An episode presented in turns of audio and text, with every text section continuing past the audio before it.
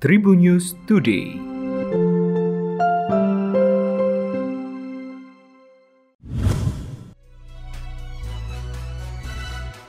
Halo Tribuners, berjumpa kembali bersama Memes. Memes akan berbagi informasi untuk kamu dimulai dari berita nasional.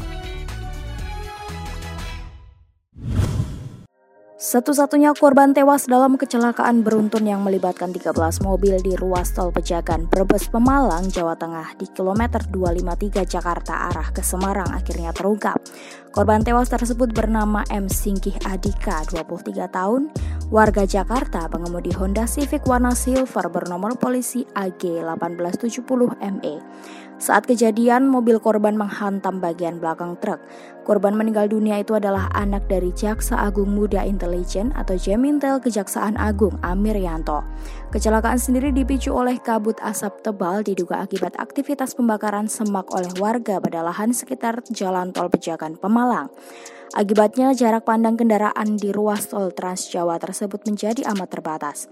Saat kendaraan paling depan mengerem mobil di belakangnya yang pandangan ke depan tertutup kabut asap tak bisa menghindari tubrukan dan menghantam kendaraan di depannya. Penanggung jawab jasa Raharja Samsat Tanjung Brebes Yudo Tigo mengatakan, berdasarkan data pada kartu identitas KTP dan SIM yang ditemukan di dalam Honda Civic, korban bernama M. Sigih Andika, warga Cipayung, Jakarta Timur. Selanjutnya berita regional Tribunars. PN, putra dari seorang pengusaha perhotelan di Kecamatan Talang Ubi, Kabupaten Pali, Provinsi Sumatera Selatan diamankan tim unit Pidum Satreskrim Polres Pali Kamis 15 September 2022 tengah malam. Pria yang diduga terlibat kasus pembunuhan terhadap korban Paridin, warga Dusun 1, Desa Simpang Tais, Kecamatan Talang Ubi, Kabupaten Pali itu diringkus dalam pelarian dari Kabupaten Pali menuju Kabupaten Lampung Tengah. Sebelumnya tersangka kabur usai insiden pembunuhan tersebut. Kapolres Pali AKBP F. Ranedi melalui Kasat Reskrim AKP Marwan SH bersama Kanit Pidum Ibda Sefri kemudian melakukan pencarian walaupun jarak tempuh cukup jauh.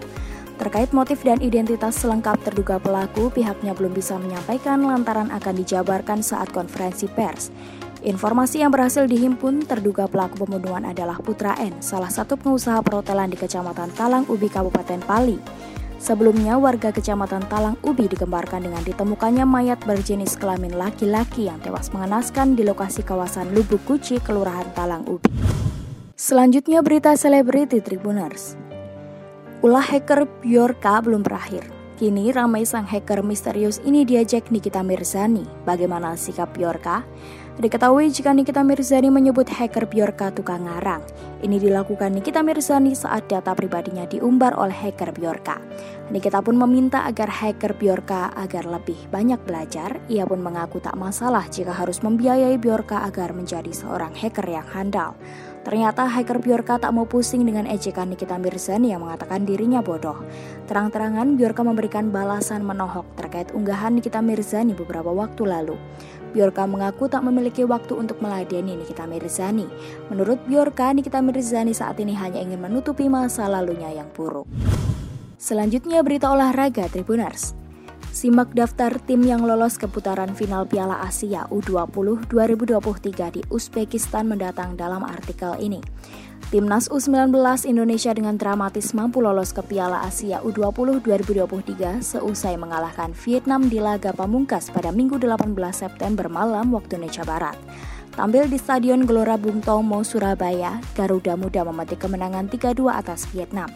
Hasil tersebut membuat timnas U19 Indonesia menjadi juara grup F kualifikasi Piala Asia U20 dengan poin sempurna dan memastikan satu tiket untuk terbang ke Uzbekistan. Setelah lolosnya timnas U19 Indonesia, kini tiket untuk melaju ke putaran final Piala Asia U20 tinggal menyisakan 15 buah. Korea Selatan menjadi tim pertama yang memastikan tempat ke ajang tersebut setelah memetik kemenangan 6-2 atas timnas Malaysia di grup E. Raksasa Asia lainnya, Jepang juga sukses mematikan tiket ke Piala Asia U20 2023 setelah meraih empat kemenangan beruntun di grup C. Lalu yang terakhir ada Iran sebagai tim Timur Tengah yang sukses mengunci tiket ke Uzbekistan setelah mengalahkan Uni Emirat Arab dengan skor 2-0. Demikian tadi empat informasi terkini yang menarik untuk kamu ketahui. Jangan lupa untuk terus mendengarkan Tribun News Today hanya di Tribun News Podcast, Spotify, dan YouTube channel tribunnews.com. Memes pamit, sampai jumpa. Tribun News Today.